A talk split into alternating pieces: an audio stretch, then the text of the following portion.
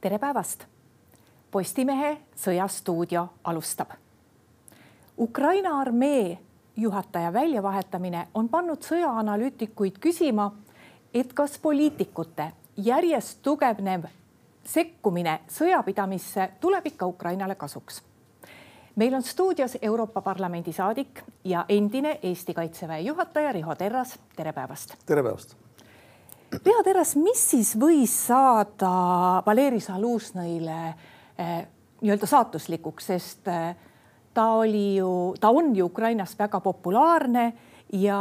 esimesel sõja-aastal, kohe sõja alguses oli Ukraina armee siiski väga tubli.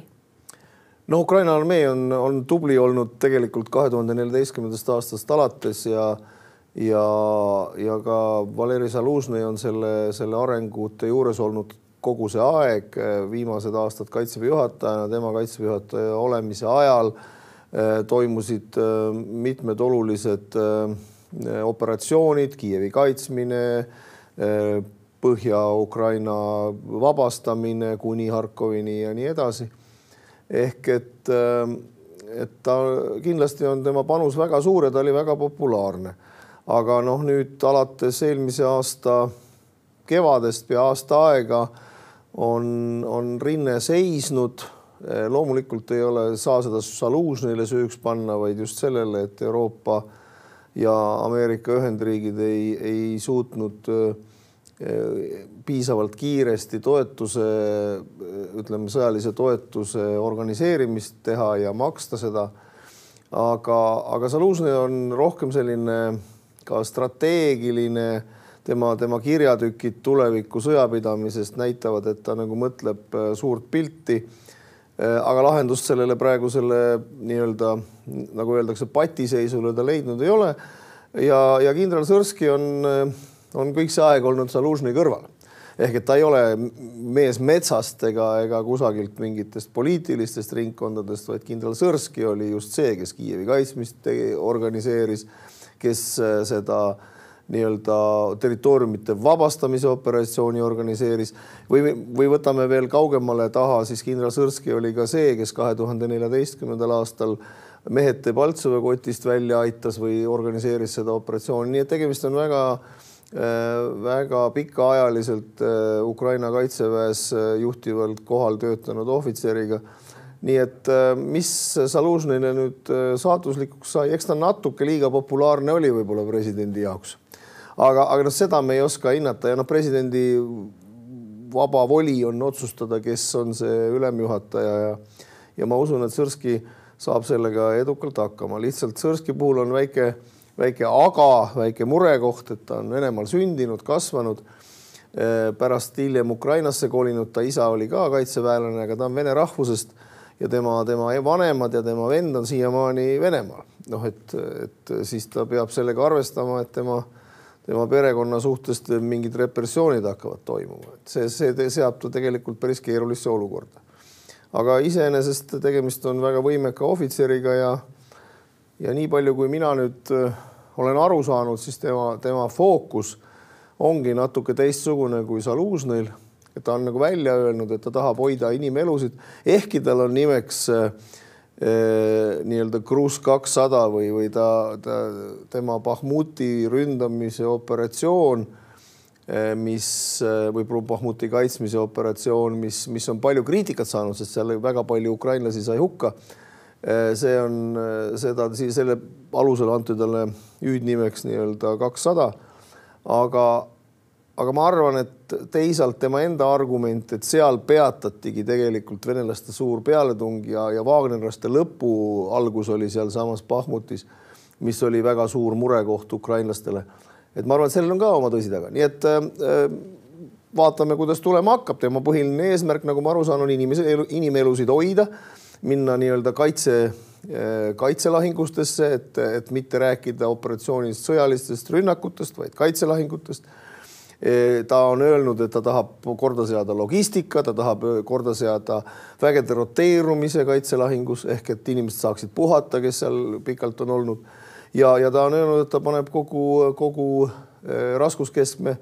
nii-öelda moodsale tehnoloogiale ja see on üks koht, kus ma arvan, et tal on absoluutselt õigus ja kus väga palju peab Euroopa ja Ameerika Ühendriigid ka oma fookust suunama moodsale tehnoloogiale no kui küsitakse, et miks just see ajahetk, siis eh, palju spekuleeritakse selle üle, et Zalužnõil oli soov praegu lõpetada see Avdiivka kaitse, kaitsmine ära, seal on praegu kõige ägedamad lahingud ja, ja Avdiivka on ju mingis mõttes ka selline sümbolkoht, kuna seal on, seda on kaitstud ju kahe tuhande neljateistkümnendast aastast alates. no ma ei tea, kas see, sellel on nüüd erilist tähtsust, miks see, see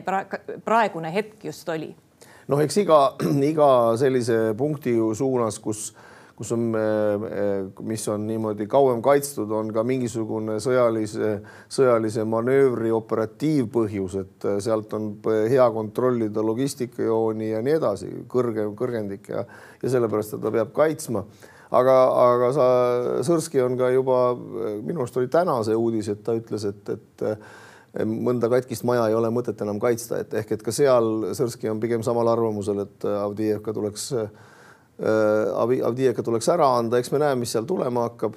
Äh, aga noh, see on üks niisugune väga kohaliku tähtsusega taktikaline võit äh, nii-öelda sõjalises mõttes, aga kindlasti Vene president tahab seda mängida välja kui, kui suurt poliitilist, poliitilist strateegilist võitu.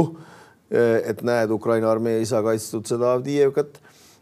ja seda on näha, et nad on tahtnud enne valimisi just sellist võitu saada nii et, et seal võib Zelenskõi ka rolli mängida ja öelda, et ei, sõbrad, et ei tohi sealt ära tulla, et, et see on muidu Venemaa presidendi jaoks selline võit, mida, mida me ei tohi endale lubada.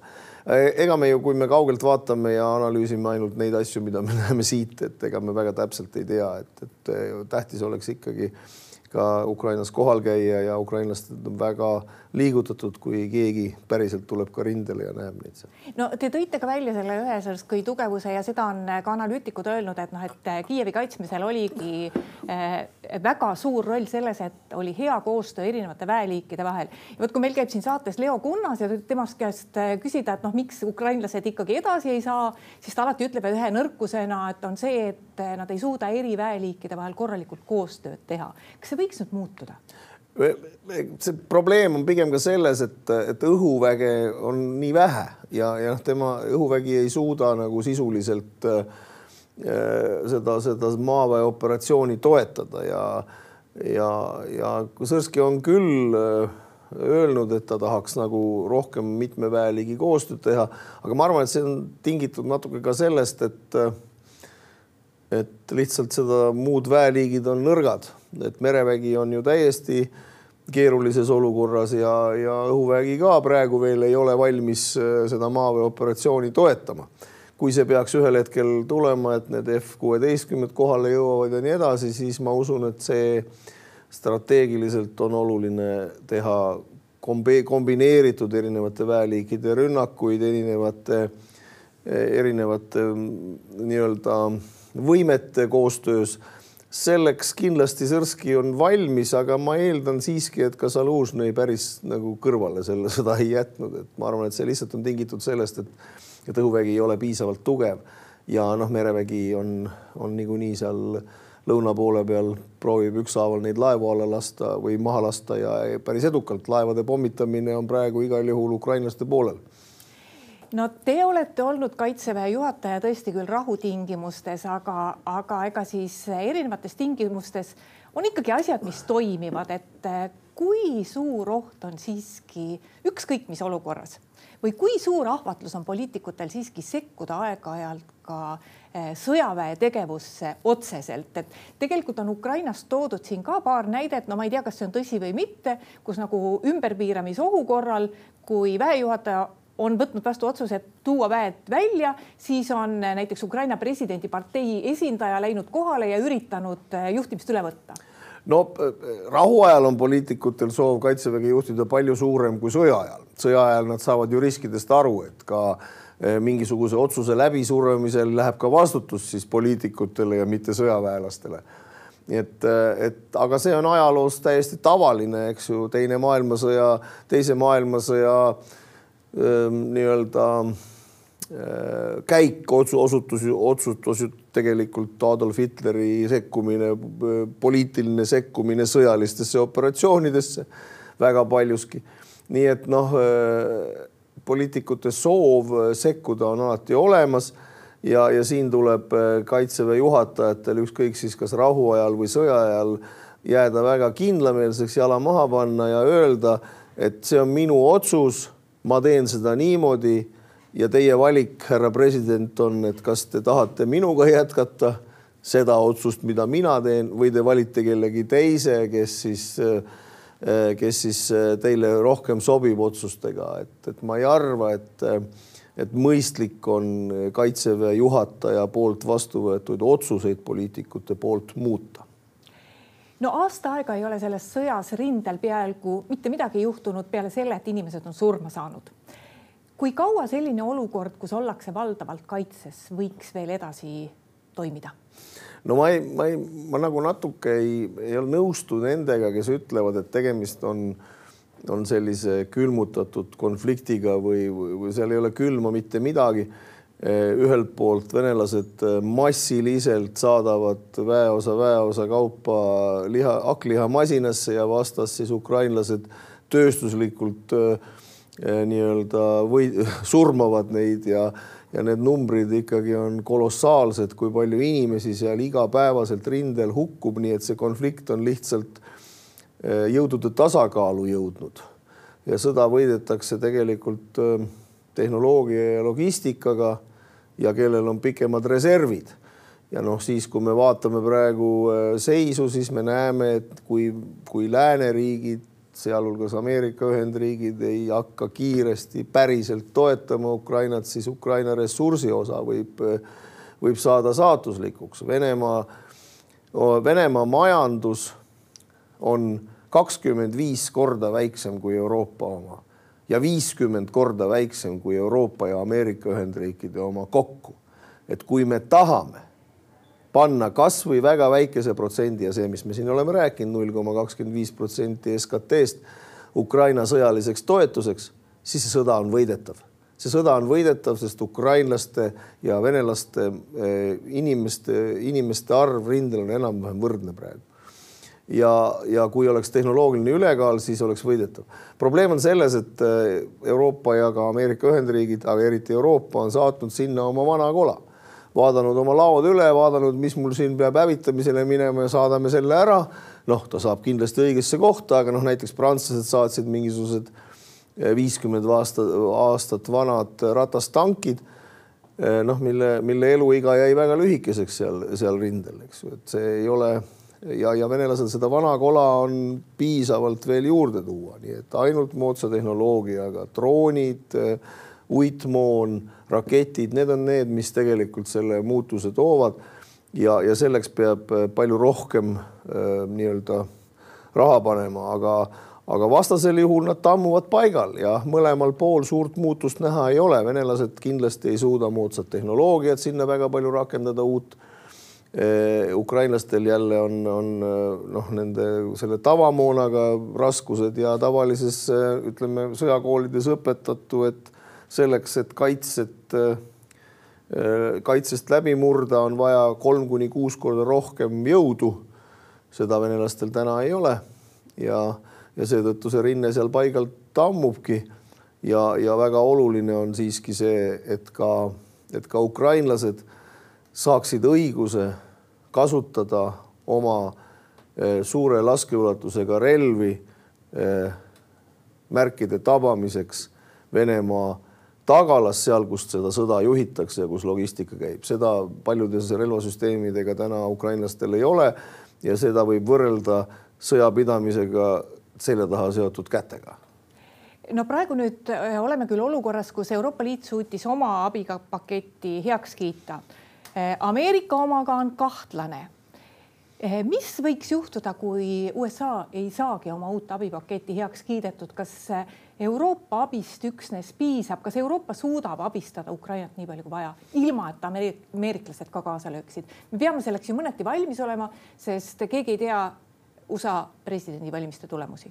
no esiteks see kuuekümne miljardiline pakett võiks ikkagi enne seda presidendivalimiste tulemust sealt läbi tulla, eks see, see poliitiline, sisepoliitiline võitlus käib praegu äh, üsna intensiivselt, senat, äh, senat nii-öelda kinnitas, nüüd on jälle kongress selle vastu see on väga oluline hulk ja ka see viiskümmend miljonit Euroopa, miljardit Euroopa toetust on oluline, aga sisuliselt on seda ikkagi väga vähe ja kui me vaatame Euroopa liikide poolt antud toetust, siis me oleme sõimanud siin Saksamaad, Saksamaa on väga oluliselt tõstnud oma toetust, sõjalist otsetoetust Ukrainale. ja kui äh, Ameerika Ühendriikidest pakett ei tule, siis peavad Euroopa riigid mitte koos, kui Euroopa ei suuda neid otsuseid teha koos, siis ükshaaval oma toetust suurendama ja siin ma vaataksin väga sügavalt silma Prantsuse presidendile, kes käib ja eputab sellega, kuidas ta juhib siin Euroopat ja kuidas sõda on paha, aga prantslaste toetusnumbrid Ukrainale sisuliselt puuduvad et ta tegelikult on see minuskel, mida nad sinna on saatnud, et tegelikult Prantsusmaa on üks nendest riikidest, kes kindlasti on lati alt läbi jooksnud ja, ja näiteks ka Itaalia, Hispaania ja nii edasi, suured riigid. ehk et seda potentsiaali on Euroopas piisavalt, aga lihtsalt seda arusaamist, et see sõda on nagu päriselt vaja võita, seda on vähe. no ajakirjanikud, kes käivad äh, ikkagi ka aeg-ajalt Ukrainas, on hakanud kirjutama järjest rohkem, et Eh, nii nappide vahenditega, nagu praegu tuleb Ukrainas sõdida, ei ole seda enne tehtud. kuidas meil praegu on nüüd käima tõmmanud ennast Euroopa oma relvatööstus ja lahingumoonatööstus? No väga aeglaselt, et, et see, see sõda Ukrainas on näidanud, et Euroopa võime eh, nipsust midagi käivitada puudub. Eh, küll on, on väga selgelt liikumisi näha on, on äh, Rheinmetall on hakanud, äh, avati just uus tehas kahesaja äh, tuhandese umbes võimekusega aastas toota saja viiekümne viie millimeetriseid mürske, sest tänaseni toodetakse seda moona hoopis Lõuna-Aafrikas, nii et Rheinmetalli tehastes küll, aga Lõuna-Aafrikas. et vaikselt on, on nagu käima jooksnud Äh, erinevate riikide sõjatööstused, see miljoni mürsu initsiatiiv, mille Eesti alustas, on viinud selleni, et vähemalt survestatakse erinevaid riike, riikide, riikide sõjatööstuseid ja riigid siis sõjatööstuseid, et, et rohkem toota. aga jälle kord see akuutsuse tunne on puudu, et noh, ei saada aru, et päriselt tuleb teha ja, ja noh, ma arvan, et ka Eesti võib siin või on siin hakanud õiges suunas vaatama, et võib-olla tuleks ka meil eh, oma eh, kaitsetööstuses leida need nüansid, millega meie, mida meie suudaksime siin kohapeal toota võib-olla välja arendada ja toota, et eh, kindlasti on, on seal ka potentsiaali ja et Eesti riik võiks ka sellesse lähiajal investeerida, kui see kaitsetööstuspark, millest räägitakse, valmis peaks saama, siis on vaja ka tegelikult Äh, relvatööstuse ettevõtetele kindlustunnet, et kui nad seal midagi teevad, et siis see neilt ka ära ostetakse. ja lõpetuseks, mida teie sisetunne ütleb, et kas praegu uus armee juht Ukrainas hakkab võtma rohkem riske ja teeb midagi selleks, et võib-olla küll mitte nii palju hoida neid inimelusid, aga et saavutada läbimurre rindel või ta ootab ikkagi ära selle, et meil reaalsest abist eh, midagi jõuab Ukrainasse kohale, kasvõi need hävitajad, millest on nüüd nii kaua räägitud ja noh, nüüd räägitakse, et noh, kevadel ehk siis mõni neist jõuab. Mm.. selle jah, õhukaitse ja, ja hävitajate teemat eh, võib-olla mäletate, kahekümne teise aasta eh, aprillis me kirjutasime koos kindral Breedlow ja mõnede teiste, kindral Hodges ja teised, kirjutasime ühe avaliku kirja, kus me ütlesime, et äh, Ukrainal on nüüd ja kohe ja kiiresti vaja, sellest on nüüd siis kaks aastat möödas ja noh, õhutõrjevahendeid on sinna natukene näpuotsaga saadetud, aga, aga lennukeid veel mitte. et see on väga akuutne, aga ma ei arva, et kindral Sõrski hakkab äh, nüüd äh, inimeste eludega riskima, sest et see probleem Eh, reservidega on, on täna palju akuutsem, kui see oli kaks aastat tagasi, et ehk ukrainlased on sõna, sõdimisest väsinud ja, ja väga paljud nendest on olnud rindel aastaid, mõned on kaheksa aastat, kümme aastat olnud peaaegu juba rindel, ka neid on seal täitsa olemas. et, et seda uisapäisa, seda, seda väge siis kasutada ei ole mõistlik, sest et kui sa reservid ära kulutad, siis on see sõda igal juhul kaotatud. Nii et äh, nii et ma pigem arvan, et ähm, nagu ta ka ise on öelnud, ta pöörab tähelepanu sellele rotatsioonisüsteemile, logistikale, moodsale tehnoloogiale ja püüab leida mingit uut taktikalist lahendust sellele äh, patiseisule, mis täna on. see, see on väga palju defineeritud läbi selle, et iga liikumine, mis rindel toimub, on nähtav, midagi enam ei saa teha varjatult, sest kogu aeg on droonid õhus. nii kui kuskile tekib mingi suurem väekoondis, nii sinna tuleb kohe kaartuli peale. ehk et see on põhimõtteliselt oluliselt muutnud ka kogu lahinguvälja toimimist ja, ja eks nad seal sõja käigus otsivad uusi lahendusi, kellel on parem taktika ja tugevamad reservid, see võidab. aitäh, Riho Terras tulemast Postimehe Sõjastuudio saatesse. aitäh teile ka. ja aitäh ka kõigile neile, kes meid vaatasid. Postimehe järgmine otsesaade on eetris juba homme. seniks lugege uudiseid postimees.ee